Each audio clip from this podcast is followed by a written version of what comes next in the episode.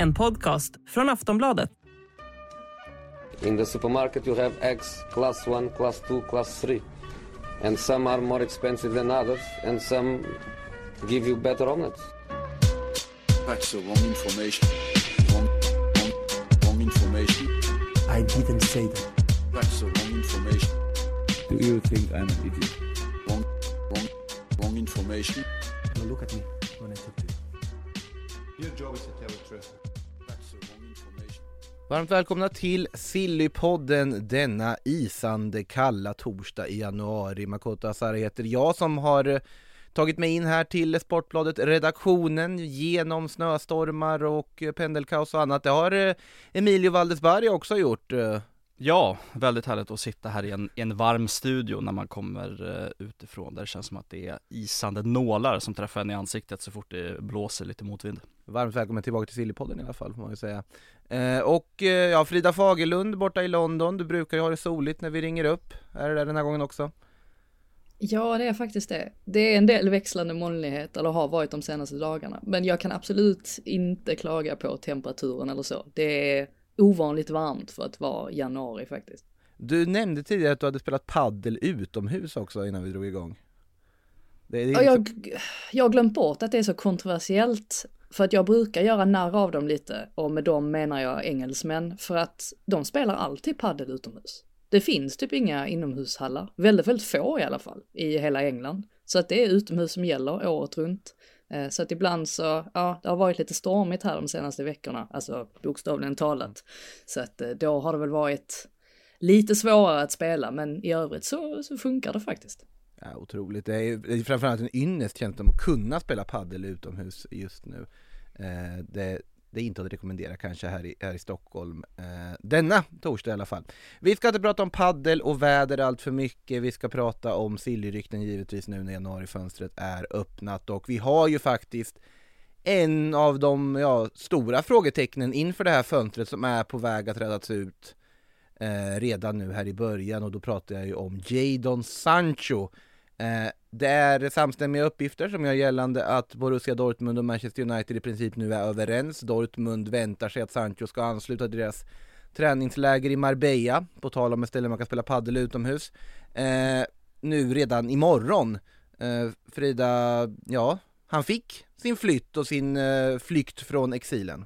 Verkar Det fick han. Det är ju faktiskt en total U-sväng från Dortmunds sida, för det var inte så länge sedan som det fanns källor i den klubben som hävdade att nej, nej, det där kommer aldrig hända, Sancho kommer aldrig återvända. Men jag antar att det är en minimal risk för dem också. Det verkar ju som att detta bara kommer kosta dem drygt 3 miljoner euro.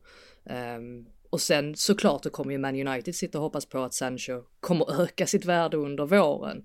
Men Dortmund vill ju ha honom av sportsliga anledningar. Så på det sättet så kan man ändå förstå att, att de plockar in honom eller att de ser det som en möjlighet att ja, få ut någonting bra rent sportsligt från det. Eh, men sen vet de ju om också att Sancho kommer med sina, sina svårigheter. Det här med att, ja, senast han var i klubben så fick de se till att han höll sina tider och, och sådär. Men Terzic är ju van vid det så att vi får väl se, han kan väl förmodligen hantera det en vända till.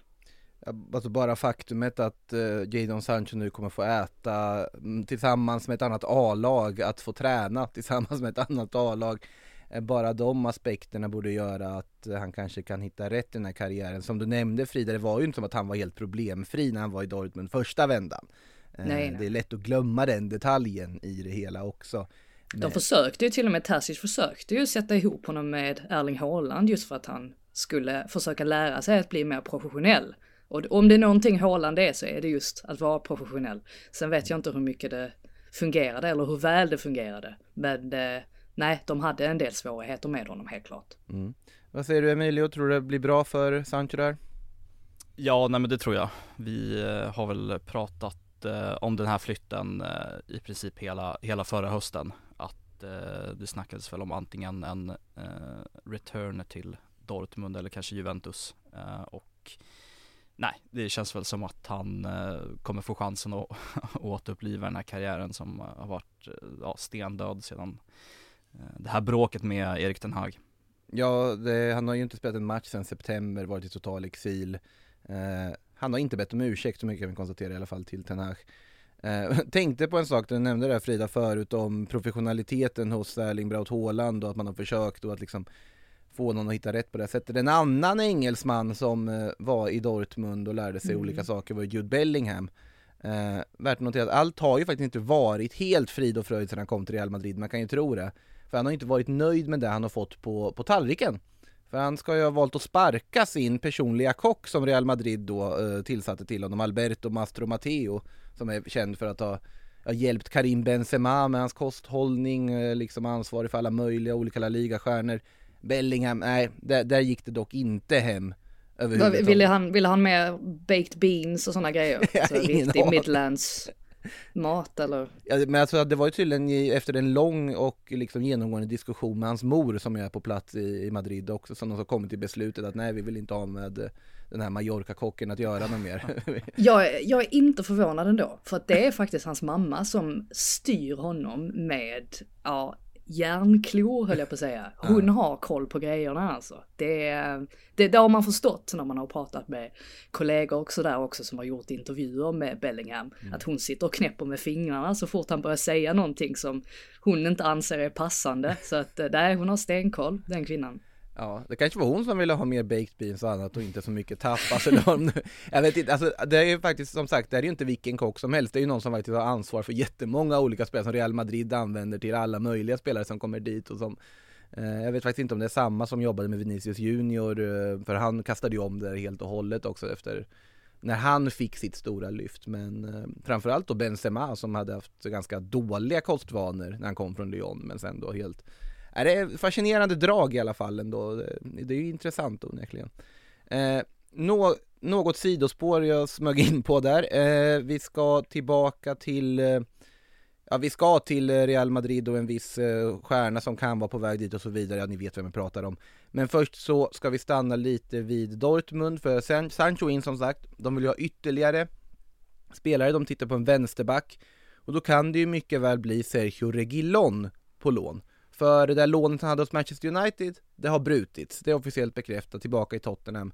Men han har ju inte spelat för Tottenham det här, den här säsongen, vilket innebär att han skulle kunna registreras för ytterligare en klubb på ytterligare ett lån.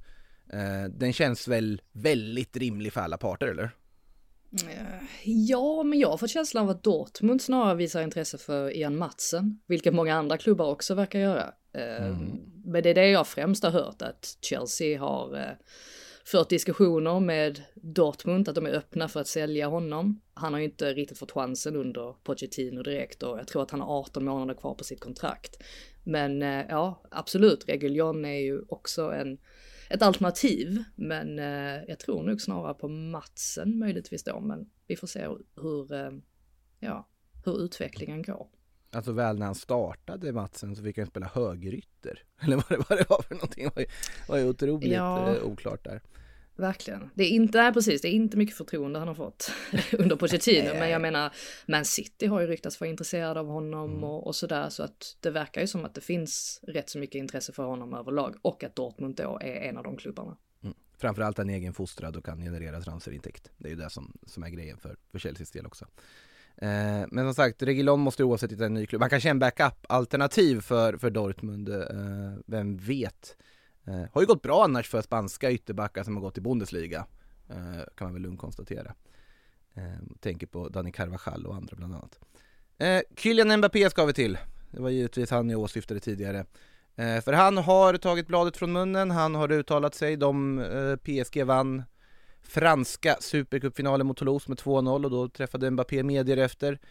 Och ja, han låter väl ungefär som han har låtit hela tiden Emilio, eller hur? Jag har inte bestämt mig, säger han. Nej, inga jätte, även om man eh, liksom svarar på frågor så är det inga klara svar men eh, man eh, lyfter lyfte väl på ögonbrynet den här gången när han påstod att ja, men både han och eh, PSG är, är skyddade även om man undrar ju såklart vad, vad det innebär för eh, nu är det väl fritt fram att eh, Mm. snacka med, med klubbarna eh, kanske Real Madrid då Eh, Ja, Jag har en överenskommelse med eh, Nasser Al-Khelaifi, vi är alla skyddade, sa han ju mer eller mindre i den här intervjun, eller i, i den mixade zonen.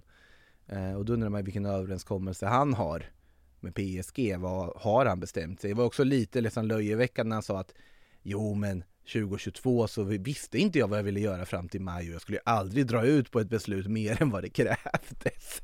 säger han. Om en av de mest utdragna sillysopporna vi har haft på år och dagar. Ehm, sen har det ju dykt upp lite Liverpool på raderna också, mycket snack kring det. Hur, hur går snacket där Frida i England kring Mbappé och Liverpool? Ja, det verkar inte som att någon tror på det direkt och eh, det kan jag väl förstå också. Det känns väldigt osannolikt. Jag vet inte varför, men jag kan inte riktigt se Mbappé springa runt eh, där uppe, höll jag på att säga. Eh, och sen så har de, ja, Ja, det är klart, ska man ersätta Mohamed Salah så ska man kanske plocka in en, en dundervärvning Ja. som Mbappé, men just nu så kan jag inte se någonting annat än Real Madrid. Men vem vet, han kanske får eh, feeling och tycker att det skulle vara kul att testa på livet på Merseyside. Det är om Real Madrid stänger dörren. Om de står fast vid att mitten av januari är en deadline.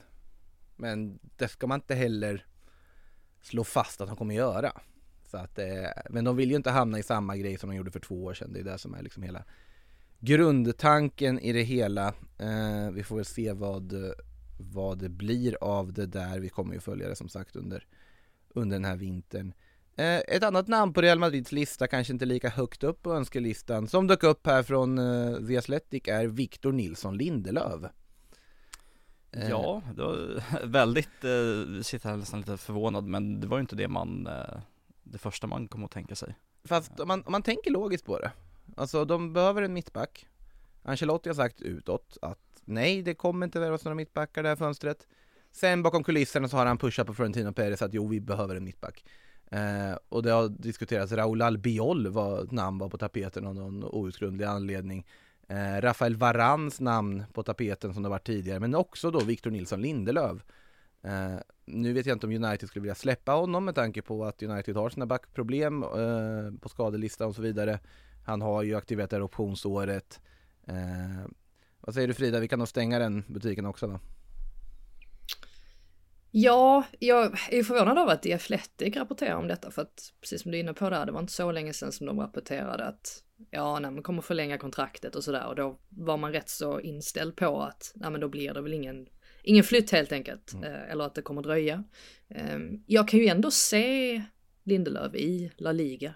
Jag tror att hans egenskaper, hans kvaliteter hade passat bra in i den ligan. Samma sak med Serie A. Jag tror att han hade blivit en väldigt stabil mittback där. De sakerna som han saknar i sitt spel, eh, alltså det är ju mycket de fysiska bitarna. De behöver han inte använda lika mycket i de ligorna jämfört med Premier League. Så att det får mig att tänka att det förmodligen faktiskt hade kunnat bli rätt så bra. Men eh, nej, jag förväntar mig väl inte heller att någonting kommer att hända nu i januari. Eh, viktigt att poängtera också, alltså The Athletics uppgifter här, det var ju han Mario Cortegana, eh, Real Madrid-skribenten de värvade för något år sedan, eh, som skriver mycket om, om Real Madrid just för The Athletic. Och dessutom så är det att han har diskuterats bakom kulisserna, troliga scenariot för Real Madrid i det här läget är att de faktiskt inte kommer värva en mittback.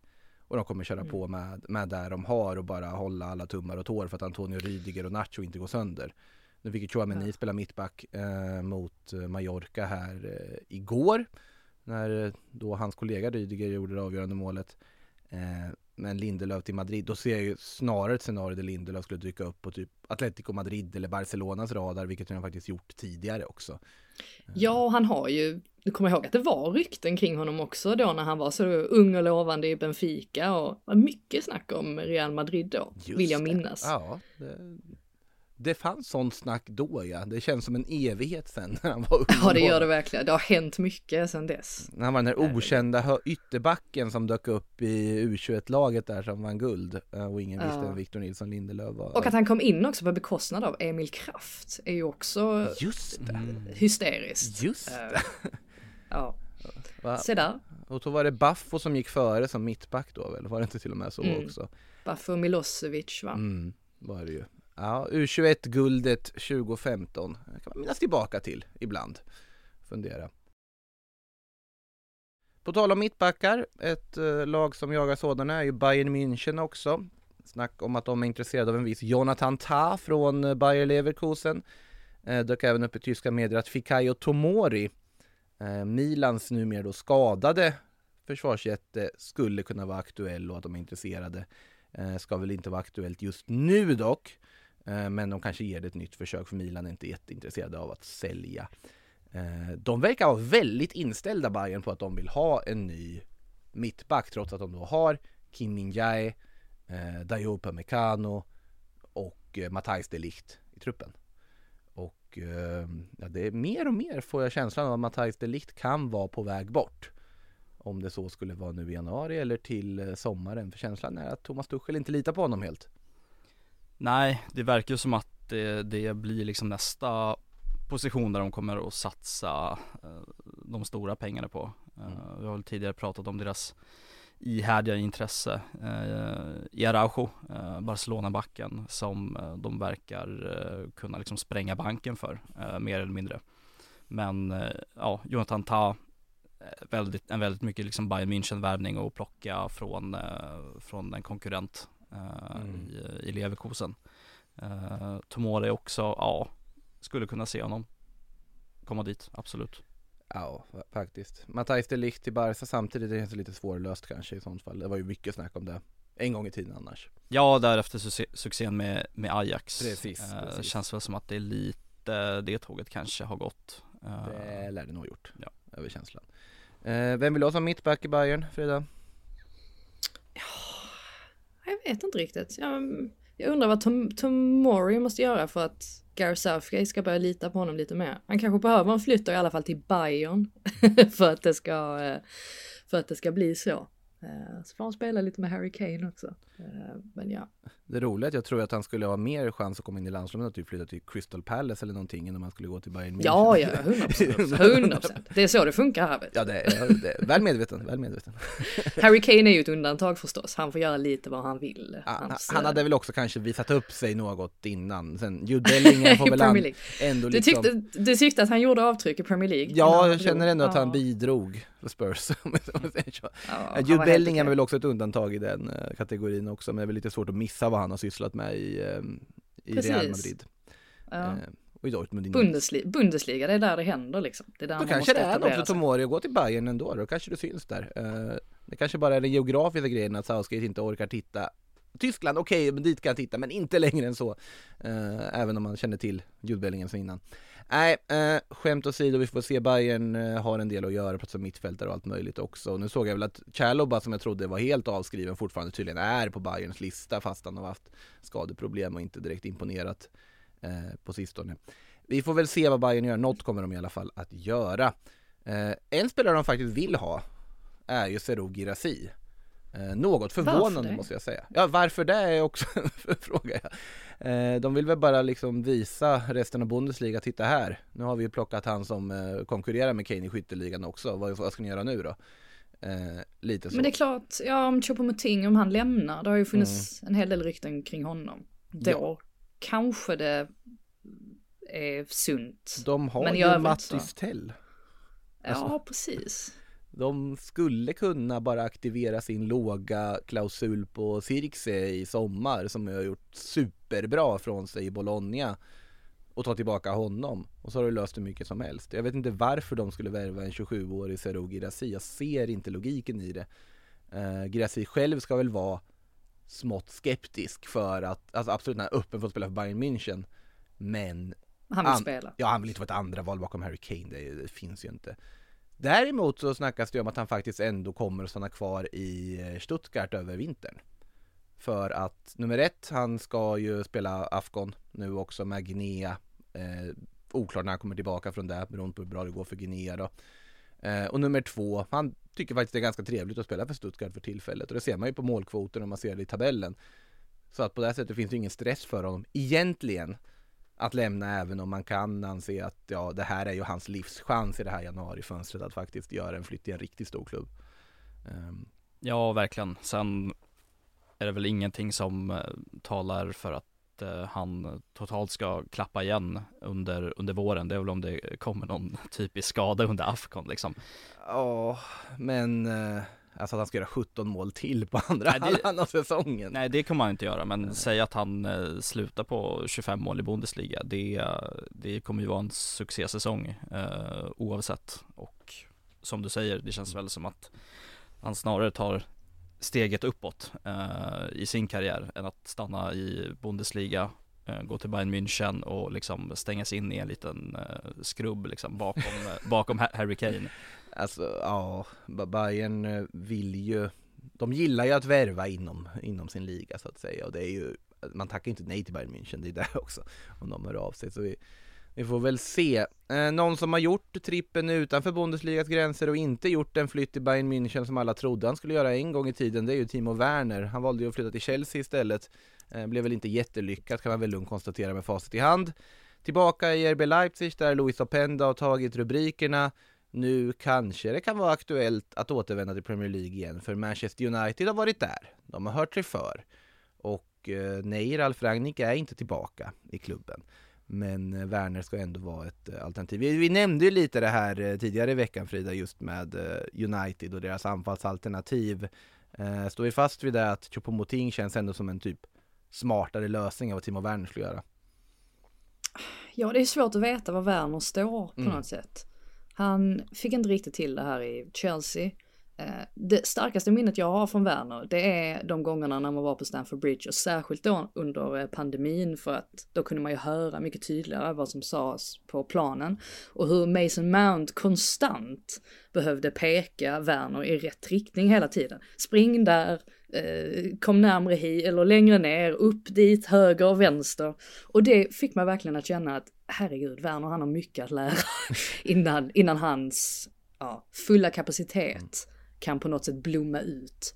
Eh, Så att jag vet inte riktigt vart han står, men det är väldigt tydligt att Ratcliffe då som har kommit in i Man United, att han verkar ha väldigt stort intresse för Werner. Jag tycker att deras namn har kopplats ihop ända sedan Ratcliffe då blev ny delägare.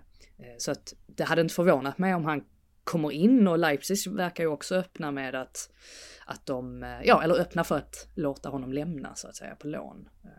Så att ja, vi får väl se, men Man United har inga pengar att röra sig med i alla fall. Så att, Nej. Men det är klart, nu, nu släpper de ju iväg Jadon Sancho i alla fall, så att då får man ju lite utrymme, utrymme att plocka in någon spelare. Ja, då är det? Dortmund skulle betala 3,5 miljoner euro totalt för hela det här Ja, det var inte lånet. mycket. Det är inte mycket pengar. Eh, vad är det, en tredjedel av vad Chelsea betalade för fyra matcher med Joao Felix eh, förra våren. Eh, Något i den stilen. Eh, men eh, ja, vi får väl se. Som sagt, United har det ganska tight just nu. Samtidigt tittar de emot eh, Olise till eh, sommaren. Det kom det ju uppgifter om här nu också. Eh, yttern som eh, gjort det bra i Crystal Palace när han kommer tillbaka från skada. Eh, verkligen gett en extra injektion för dem. Eh, var ju väldigt nära att han lämnade redan i somras när Chelsea hittade den där klausulen. Må så vara att de hittade den på ett sätt som de kanske inte fick hitta den på, vilket Crystal Palace påpekade och då Chelsea drog sig ur affären illa kvickt. Det var väl det som slutade med Cole Palmer i slutändan va Frida, var det inte så? Vad sa du? Förlåt, nu lyssnar jag typ inte. Vad sa du? Alltså när, när Chelsea gick för Olise i, eh, i somras, när de då Ja. drog sig ur den affären och Olise förlängde med Palace, det var väl det som Precis. fick dem att ge sig på Cole Palmer istället? Exakt, förlåt, yes, så Ja. var det. Ehm, de möttes ju för inte så länge sedan på Stamford Bridge. Eh, Chelsea vann den matchen, men Olise var väldigt bra. Mm. Eh, nu blev man ju lite rädd här för eh, Crystal Palace del och för Olises del när han verkade bli skadad här i senaste omgången. Hodgson fick lite kritik för det, för att många menade på att man måste att man måste behandla Olise med med verkligen eh, med eh, varsamhet för att se till att han inte blir skadad igen. Men det är inte konstigt att det är många klubbar som har honom på radarn och eh, jag räknar med att eh, han kommer lämna inom kort för att så pass bra är han. Man ser verkligen vilken, vilken kvalitet han besitter, hans tillslag. Eh, det är så mycket, så många fina egenskaper som han besitter. Ja. Eh, vi tar oss till Spanien där vi pratade om ett lag som inte hade så mycket pengar att röra sig med i form av Manchester United. Ett annat lag som inte har så mycket pengar att röra sig med är ju FC Barcelona. Eh, kan ju konstatera i alla fall att de har fått Vitor Roque registrerad. Det presenterade man här under gårdagen med stor glädje. Registered skickar man ut på, på sociala medier. Där är Barcelona idag. Eh, men det var ju kul för dem såklart. Eh, samtidigt så vill de ju ha en mittfältare, eller hur Emilio? Ja, och, och inte vem som helst utan eh, succélaget Gironas eh, Alex Garcia eh, och varför han skulle vilja lämna det laget just nu, det kan inte jag komma på. Eh, mer än att man vill så, ja. levla upp i liksom lönekuvertet. Eh, nej men de flyger ju fram och eh, ja men visst eh, kan man ju se varför man vill ha honom. Som alltid när man pratar om Barcelona, hur ska den här affären gå till? Eh, man, som du säger, man firar ju när man får en spelare registrerad eh, och det fick man väl nu tack vare att eh, Gavi skadade sig så man får lite utrymme och, och ta in en ny spelare. Det pratas väl om att man kan ju sträcka sig så långt som ett lån. Det är väl Mm. i den lådan man får, man får leta nya spelare. Man vill ju göra en, en Edgar Davids som, som Laporta har gått ut med. Som man gjorde väl i början på, på 20, 2000-talet. Eh, som ska komma in mitt i säsongen och, och styra upp där. Eh, ska ju nämnas där också med Alish Garcia och Girona. Otrolig seger igår mot Atletico Madrid. Eh, för övrigt hattrick av Alvaro Morata, alla som ifrågasätter, eh, ifrågasätter honom. Eh, Hur mycket helt- får du i betalt, alltså betalt av hans agent? Alvaro? Moratas agent. Eh, Det, Ja. det här är, det, vad heter det, volontärjobb för min del. Eh, jag, jag kämpar på själv här. ja, förr i tiden så kunde jag alltid koppla Mario Mandzukic till olika klubbar men nu är ju inte Mario Mandzukic aktuell någon mer att gå någonstans eftersom han har slutat så nu får jag jobba Alvaro Morata istället. Eh, så kan det vara. Den i Sundav också. Eh, det vet du om Frida. Eh, Ja, det vet jag mycket väl om. Eh, Girona i alla fall som vinner då den här matchen med 4-3 trots att Morata gör, gör hattrick och befäster sin ja, kamp med Real Madrid uppe i toppen. Det ligger något i det varför han skulle vilja gå till Barcelona här och nu. Men samtidigt, det är en katalansk spelare som aldrig har spelat för Barcelona, såklart att det lockar för honom att gå till FC Barcelona om de hör av sig. Ja, givetvis är det så, givetvis. Eh, så sen får vi väl se vad det, vad det blir av det. Eh, samtidigt, ett lag som har krisat på engelsk mark är ju Sheffield United. De har eh, haft det jobbigt på alla möjliga sätt. De eh, förstärkte inte truppen särskilt anmärkningsvärt, försvagade den snarare i somras. Nu verkar de dock vara på väg att få in eh, riktigt intressant förstärkning för Ben Brereton Diaz är på väg på lån från Villarreal. Det här gillar jag i alla fall, eller vad säger du Frida? Absolut.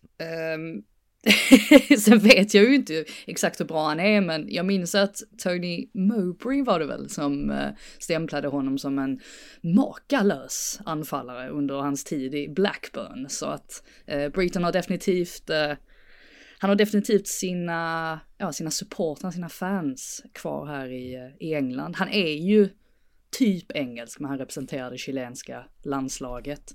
Eh, Så att han har väl lagt till Diaz nu dessutom på sin tröja va? Alltså, Så att, ja. han, eh, han är ju född i Stoke-on-Trent. Det kan inte bli så mycket mer engelsk än så, känns det Nej. som. Eh, sen, Fråga bara Robbie Williams. ja, sen, eh, sen var det väl, det var någon som hade hittat på typ Football Manager att han var Alltså hade någon form av chilensk koppling och gick och spelade för chilenska landslag. Sen har det chilenska fotbollsfans börjat göra någon sorts kampanj för Mm. att få honom att byta landslag. Och så gjorde han det, spelade Copa America och var fantastisk. Ja, Men verkligen. han är väl halv va? Alltså han är halv chilenare. Jag tror väl att hans pappa är... Alltså det, jag tror till och med det är mer långväga variant. Eh, Jaha okej, jag har alltid trott att han har varit halv. Ja, Ja, det, är en, Nej, okej. alltså, det är en ganska häftig story just på att det var ingen som liksom förstod Han fick reda på att han var liksom tillgänglig för att spela för Chile senare eh, Rätta mig om Mm. jag har fel de som eh, lyssnar Men eh, Just, han har inte varit en hit i Villarreal i alla fall och det förvånar mig något. Jag trodde att det skulle gå mycket, mycket bättre den flytten för det där är en väldigt spännande spelare men i Villarreal så har det inte alls lossnat, inte gjort mål för dem än. Eh, så det är väl logiskt att återvända till de brittiska öarna på så vis eh, för honom. Ehm, så är det, de behöver ju anfallare också, Sheffield United. Eh, kan också, några som behöver mittbackar är Milan och de har gjort klart med en för att Matteo Gabbia återvänder från Villarreal på lån också. Faktiskt, det har inte heller varit någon större hit men Milan behöver mittbackar, Gabia kommer tillbaka och det är väl en jättebra lösning för alla parter i det här läget, även om unge Giancarlo Simic gjort det väldigt bra när han fått chansen här på sistone för eh, Rossoneri. Eh, där kan vi komma, det är officiellt också ska vi säga med just eh, Gabia. Något som också är officiellt bekräftat är att Nikola Kalinic återvänder till Hajduk Split och varför i hela friden tar jag upp det här kanske ni undrar nu? Jo, det är för att, eh, kan ni gissa hans månadslön han får i Hajduk Split när han återvänder? Det känns som att den En- inte kommer vara jättehög. En euro. Eh, ja. 11 kronor i månaden får han under de här halvåret för att då hjälpa Hajduk hela vägen till ligatiteln och han sa väl själv att det här var ett av de lättaste kontrakten att skriva på i mitt liv. Och det är fint tycker jag. Kalinic har väl fått eh, ganska mycket ris genom åren snarare än ros för sina insatser han har gjort i Serie A och annat och hoppat runt mellan olika klubbar och varit ganska anonym. Men i Hajduk så, så levererar han ju och har varit viktig även om han fick lämna efter, efter förra säsongen. Eh, innan vi går på lite frågor så kan vi konstatera att eh, två guldhjältar i Hammarby har lämnat för utlandsäventyr. Ja, det var väl du som breakade den Frida? Eh, Matilda Winbergs eh, flytt till eh, dina trakter. Ja, precis, till Tottenham. Eh, Kom inte som en jätteöverraskning, det har varit klart ganska så länge. Hon var ju på plats när var det Tottenhams möte med eh, Arsenal som Mm. ju Tottenham vann väldigt oväntat. Så att det har varit eh, på gång väldigt länge och eh, nu blev det då klart och det känns ju som att kopplingen där med Robert Vilahamn, tränaren, kan ju mycket väl ha spelat in, eller vi vet ju att det spelade in. Han ville ha svenska spelare, hon ser förstås en fördel i att arbeta med en svensk tränare. Så att jag tror att det kan bli eh, riktigt bra. Mm. Och Madeleine Janogy också då som har flyttat till Fiorentina istället och liksom den gemensamma nämnaren här att det här är ju inte klubbar som kanske spelar Champions League idag på damsidan men som båda har satsningar och ambitioner att gå uppåt där både ja, Winberg kommer få en jätteviktig roll i Tottenham eh, Janogy kommer få en otroligt viktig roll i Fiorentina. Det är ju liksom egentligen sportligt kanske till och med ett steg ner från Hammarby idag skulle jag våga säga eh, så att Ja, alltså, ja, de har gjort rätt så mycket satsningar nu på sistone ju, Fiorentina. Och det är väl sen Comisso kom in där eh, som ägare för, när var det, fyra år sedan? Han är amerikan, italienaren där. Och det känns ju som att han har moderniserat väldigt mycket i Fiorentina. Så att jag kan väl tänka mig att det hänger ihop på något sätt, att nästa steg är att skapa ett konkurrenskraftigt damlag. Och de är på, Tredje på god plats, väg än så länge. Ja, till och precis. med i, i tabellen just nu. Eh, äh, det blir eh, intressant att se, men förståeligt att de väljer att flytta ändå efter efter de tog det där SM-guldet i, ja, i damallsvenskan då förra säsongen. Verkligen. Eh, vi har lite frågor eh, också som jag tycker vi ska ta upp. Eh, det här har inte jag läst någonstans, men eh, rätta mig om jag har fel Frida, men Anton frågar Curtis Jones till Arsenal. Oj. Nej, det har jag inte alls, eh, alls sett någonting om. Vilken, eh, vilken kontroversiell övergång det hade varit. Ja, det, det hade väl inte kunnat ske eller? eller vem vet? Eh, Nej, det hade varit känsligt helt klart. Men eh, ja, skulle det vara då att Curtis Jones känner att han inte får tillräckligt med speltid, men jag tänker att och det ska han få då med Ödegård och Havertz och Rice och de andra i Arsenal ja, precis, då kan man väl lika gärna stanna. Och jag tänker att så bred, Uh, ja, sån bredd har de ju ändå inte på mittfältet. Jag tänker om det räcker ju att det sker någon skada här och där så är man ju helt plötsligt nere på, uh, ja, och riskerar då att uh, stå utan lag, eller på att säga. Det gör man ju inte. Men jag bara menar att Curtis Jones får ju ändå sina sina tillfällen, sina spelminuter. Så att, nej, det ryktet har jag faktiskt inte sett. Kan inte riktigt vänja mig vid det heller. Tanken på det. Nej, den, den känns eh, som en krock. Sen såg jag ju så här ett mardrömsscenario framför mig nu i huvudet man lät eh, tankarna spinna vidare. Att det är ju inne det här med att sälja egna produkter i England för att komma runt FFP-reglementer och sånt. Tänk när vi börjar få se den typen av alltså så här, brittisk plus Valenza-affärer. Alltså inte på det här sättet som att du bara förskjuter värden på spelare upp i höjden, men att du börjar byta akademiprodukter med varandra. Säg att eh, ja, Liverpool-Arsenal byter Curtis Jones mot Emil Smith Rowe. Bara straight up. Båda får plus i böckerna, båda får en varsin ung lovande spelare till mittfältet. Alltså jag vill absolut inte se en sån här mardrömsscenario ske, men man kan ju tänka sig att det finns ändå liksom sånt i åtanke om FFP-reglerna stramar åt och de måste göra massa värvningar och sånt. Eh, Ja. Jag är så himla inställd på att Liverpool inte kommer göra så mycket i det här fönstret. Alltså varken köpa eller Inte sälja. in heller, tror du? Nej, jag, jag, inte, jag tror väl inte det skulle väl vara en, en mittback då va, men Mm. jag har, alltså jag tror inte att det kommer hända sådär värst mycket.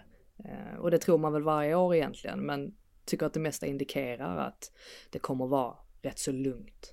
Ja, nej, det är väl mittback som sagt och det är många som frågar just om mittback eh, också här. Mattias Larsson undrar, tror du Liverpool kommer värva något? Läs lite rykten om Gonzalo Inacio och det har ju funnits rykten om honom ganska länge, Sportings eh, skicklige back. Och sen är det flera som vill veta saker om Ko Itakura, för han har ju också kopplat samman med eh, Liverpool, Gladbachs Japan som ju är med i Japans trupp till eh, asiatiska mästerskapen som stundar här. Känns väl dock snarare som någonting för ett sommarfönster än ett vinterfönster i det här läget, även om absolut Itakura skulle passa profilen ganska bra för, eh, för Liverpool är ju, är ju känslan.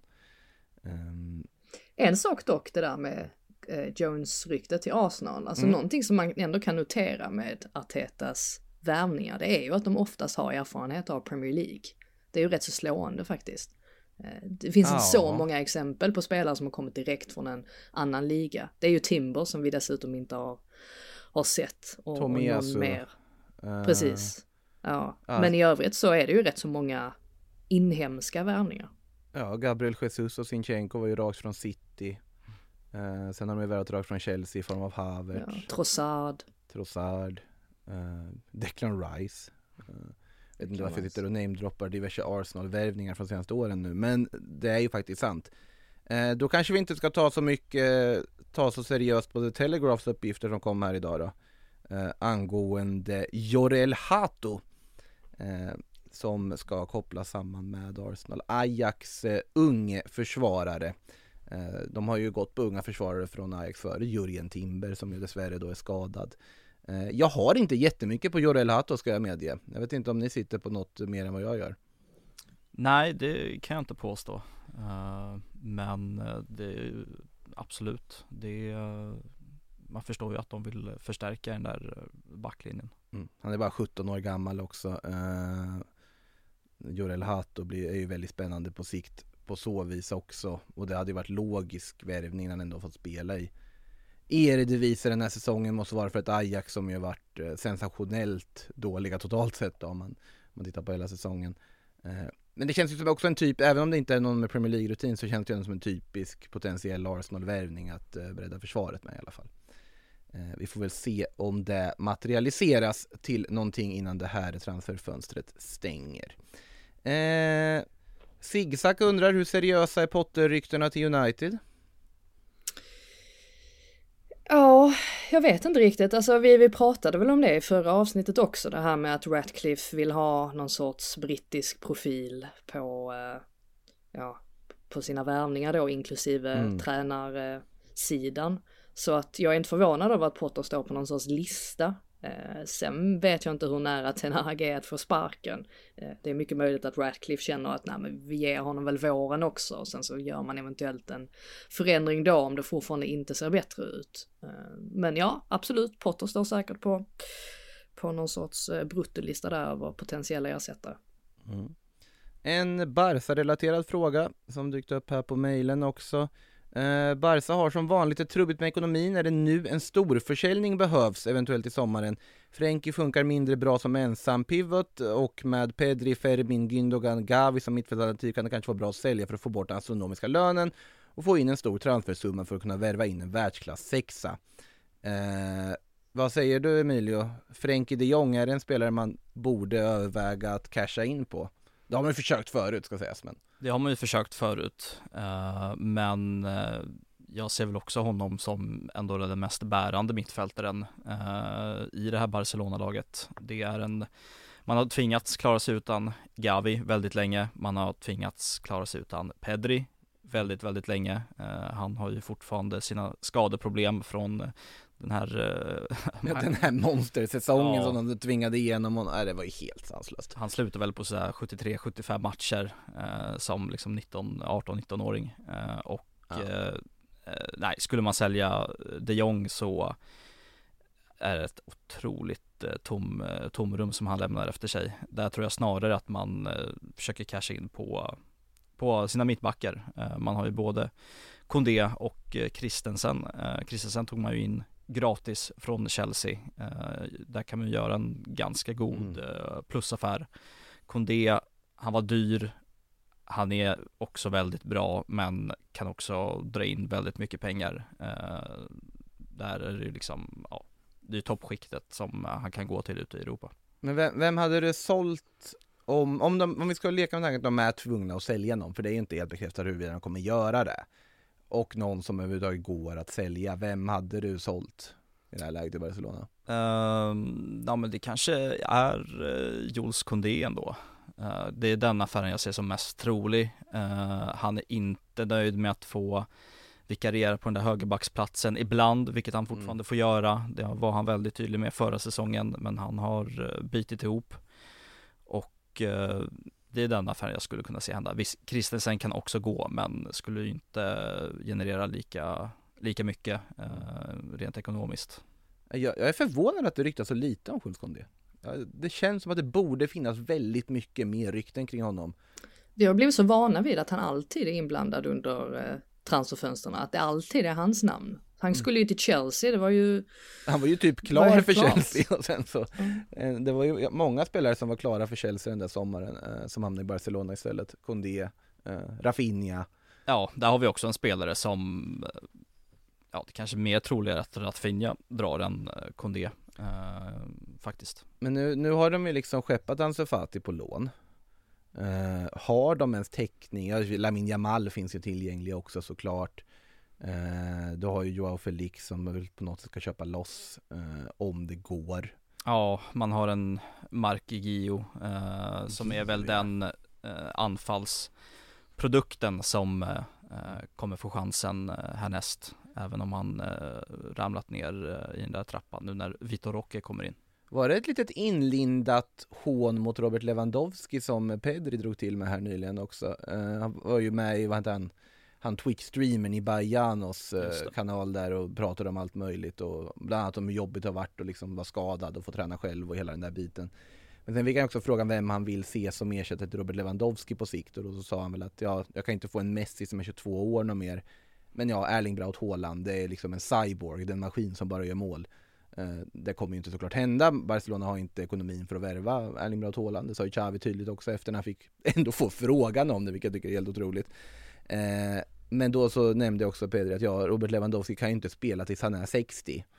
Eh, Nej. Som att det var nära till hans. Liksom. Ja, han verkar väl kanske tro det själv i alla fall. Eh, Men eh, Barca toppar väl någon form av lista på liksom antal missade liksom stora chanser ute i fotbollseuropa eh, under matcherna. Eh, man, eh, det har varit ja, mycket kritik mot Lewandowski som har ja, men inte levererat eh, lika mycket. Eh, Xavi har väl, har väl läckt ut uppgifter på att eh, Xavi ska ha riktat sig mot honom specifikt eh, här under en match eh, de senaste omgångarna i halvtid när det inte alls såg bra ut.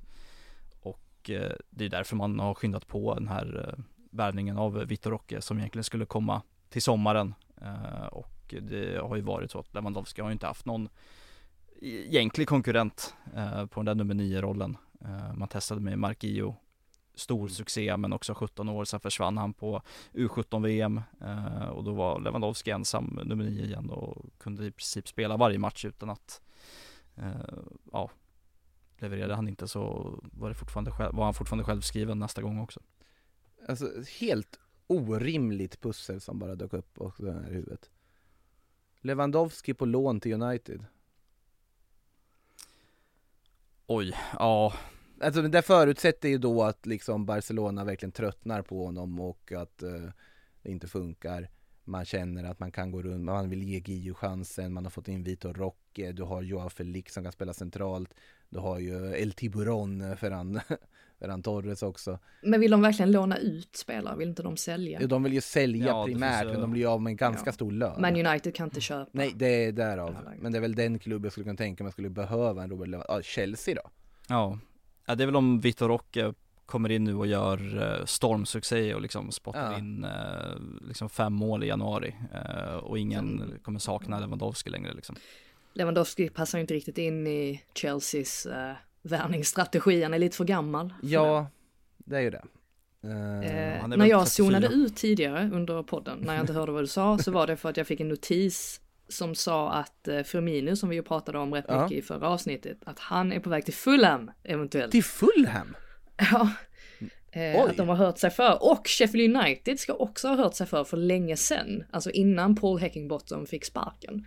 Så att det finns intresse från Premier League-klubbar.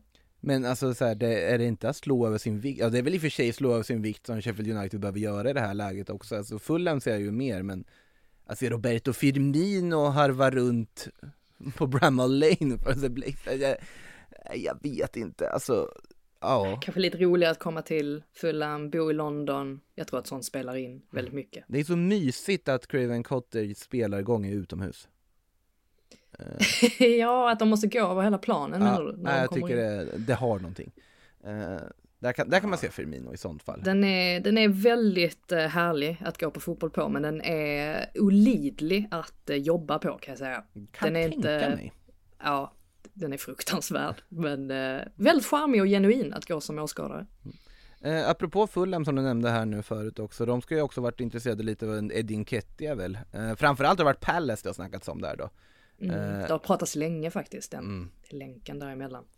Men, Men ja, Crystal Palace verkar inte, de vill typ inte spendera några pengar. ehm, har man förstått det som. Så att eh, jag tror inte att det kommer, det kommer nog inte hända någonting nu i alla fall. nej, och då ska Arsenal också hitta en ny forward och värva och de kommer inte gå för Lewandowski om vi säger så. Eh, vi får väl se vad som händer. Som ni hör, många lösa trådar som måste kopplas ihop hit och dit. Eh, Jadon Sancho i alla fall, om vi ska bara återgå till där vi började, är ju i alla fall snart en tråd som verkar ha knutits ihop på ett sätt som vi får hoppas blir bra för eh, Sancho, Dortmund och alla inblandade. Det är väl känslan. Det där är en, en spelare man vill se tillbaka i sitt esse igen, för det är en otroligt sevärd spelare och fascinerande att det gick så snett som det har gått i, i United ändå. Eh, med det sagt så har det blivit dags att runda av dagens Sillypodden. Vi återkommer ju två gånger om eh, nästa vecka igen nu när januarifönstret är öppet. Så blir det lite Premier League-podd på det och annat också. Eh, om ni är intresserade av sydeuropeisk cupfotboll, missa inte Juventus ikväll i eh, Coppa Italia, sista åttondelsfinalen som ska spelas där. Och sen har vi ju både Real Madrid och Barcelona som kliver in i Copa del Rey till helgen som ni också kan se på Sportbladet. Eh, Vitor Roques debut kan det ju bli, bland annat, som kan bli väldigt spännande att följa Ja, verkligen. eh, på söndag. Eh, med det sagt så tack Frida, tack Emilio, tack alla lyssnare. In the supermarket, you have eggs class 1, class 2, class 3. And some are more expensive than others, and some give you better omelets. That's the wrong information. Wrong, wrong, wrong information. I didn't say that. That's the wrong information. Do you think I'm an idiot? Du har lyssnat på en podcast från Wrong Aftonbladet. information. Ansvarig utgivare är Lena K Samuelsson.